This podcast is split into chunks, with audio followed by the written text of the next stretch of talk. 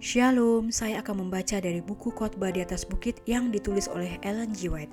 Bab 6, bukan menghakimi tetapi melakukan. Dalam pembahasan di buku Matius 24 ayat 35.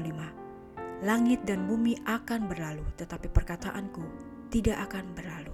Prinsip-prinsip besar hukum tentang tabiat Allah diwujudkan dalam kata-kata Kristus di atas bukit itu. Barang siapa membangun di atasnya adalah membangun di atas Kristus, batu zaman itu dengan menerima firman itu, kita menerima Kristus, dan hanya yang menerima firman-Nya yang membangun di atasnya. Tidak ada seorang pun yang dapat meletakkan dasar lain daripada dasar yang telah diletakkan, yaitu Yesus Kristus. 1 Korintus 3 ayat 11. Di bawah kolong langit ini tidak ada nama lain yang diberikan kepada manusia yang olehnya kita dapat diselamatkan. Kisah 4 ayat 12.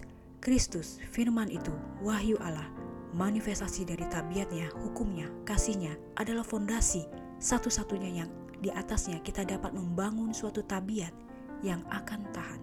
Kita membangun di atas Kristus oleh menurut firman-Nya, bukan yang hanya menyukai kebenaran yang benar, tetapi yang melakukan kebenaran. Kesucian bukanlah kegirangan, itu adalah hasil dari menyerahkan segalanya kepada Allah. Itu adalah melakukan kehendak Bapa kita yang di surga. Ketika Bani Israel berkemah di perbatasan negeri perjanjian, tidak cukup bagi mereka hanya memperoleh pengetahuan tentang Kanaan atau menyanyikan lagu-lagu Kanaan. Ini saja tidak akan membuat mereka memiliki kebun anggur dan pohon-pohon zaitun dari negeri yang subur itu. Sesungguhnya mereka dapat memiliki negeri itu hanya dengan mendudukinya, dengan mengikuti keadaannya, dengan menunjukkan iman yang hidup kepada Allah dengan mengambil untuk diri mereka sendiri janji-janjinya. Agama yang mengandung penerapan kata-kata Kristus bukan diterapkan untuk memperoleh kemurahan hati Allah, tetapi karena segala ketidaklayakan, kita telah menerima pemberian kasihnya. Kristus menetapkan keselamatan manusia bukan atas pengakuan semata-mata, tetapi atas iman yang dinyatakan dalam perbuatan-perbuatan yang benar. Berbuat bukan dengan perkataan saja, diharapkan dari para pengikut Kristus. Melalui perbuatanlah tabiat dibangun. Semua yang dipimpin roh Allah adalah anak Allah. Roma 8 ayat 14. Bukan yang hatinya dijamah roh itu, bukan yang sekarang dan kemudian menyerah kepada kuasanya. Tetapi mereka yang dipimpin oleh roh itulah putra-putra Allah.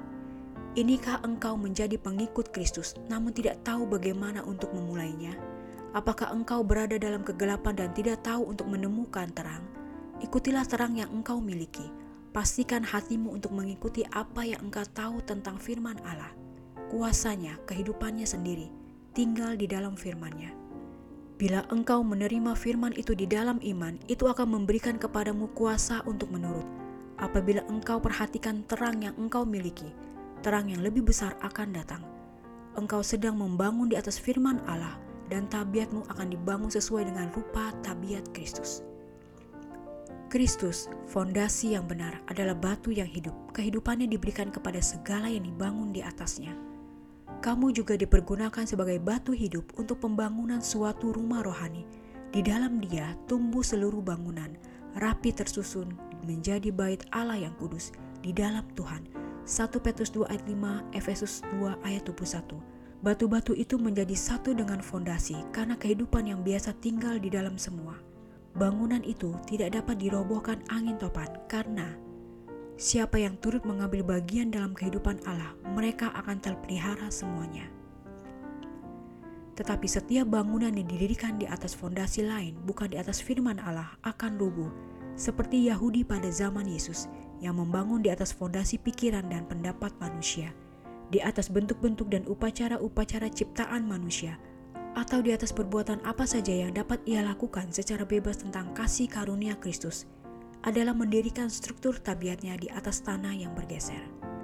Angin topan pencobaan akan menghanyutkan fondasi berpasir itu dan meninggalkan rumahnya suatu rongsokan di akhir zaman. Sebab itu beginilah firman Tuhan Allah, Aku akan membuat keadilan menjadi tali pengukur dan kebenaran menjadi tali sifat hujan batu akan menyapu bersih perlindungan bohong, dan air lebat akan menghanyutkan persembunyiannya.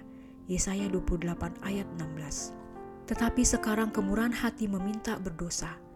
Demi aku yang hidup, demikianlah firman Tuhan Allah, Aku tidak berkenan kepada kematian fasik, melainkan aku berkenan kepada pertobatan fasik itu dari kelakuannya supaya ia hidup.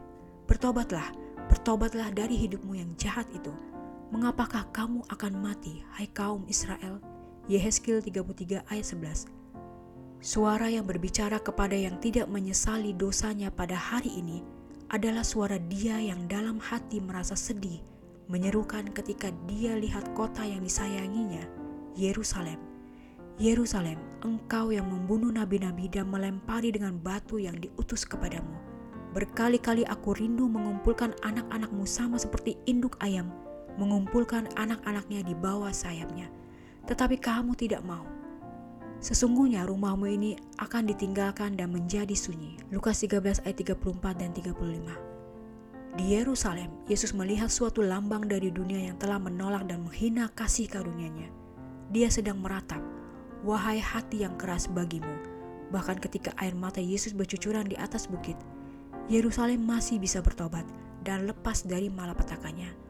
Untuk suatu saat singkat, pemberian surga itu masih menunggu sambutannya Begitulah, wahai hati, kepadamu Kristus masih berbicara dengan nada kasih. Lihat, aku berdiri di muka pintu dan mengetuk. Jikalau ada yang mendengar suaraku dan membukakan pintu, aku akan masuk mendapatkannya dan aku makan bersama-sama dengan dia. Dan ia bersama-sama dengan aku. Sesungguhnya, waktu ini adalah waktu perkenan itu. Sesungguhnya, hari ini adalah hari penyelamatan itu Wahyu 3 ayat 20, 2 Korintus 6 ayat 2. Engkau yang meletakkan pengharapan kepada diri berarti membangun di atas pasir, tetapi belum terlalu terlambat untuk menghindarkan kehancuran yang akan datang.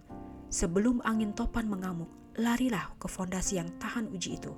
Beginilah firman Tuhan Allah, sesungguhnya aku meletakkan sebagai dasar di Sion sebuah batu, batu yang teruji, sebuah batu penjuru yang mahal, suatu dasar yang teguh, Siapa yang percaya tidak akan gelisah.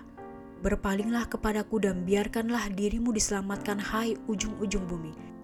Sebab akulah Allah dan tidak ada yang lain. Janganlah takut, sebab aku menyertai engkau. Janganlah bimbang, sebab aku ini Allahmu.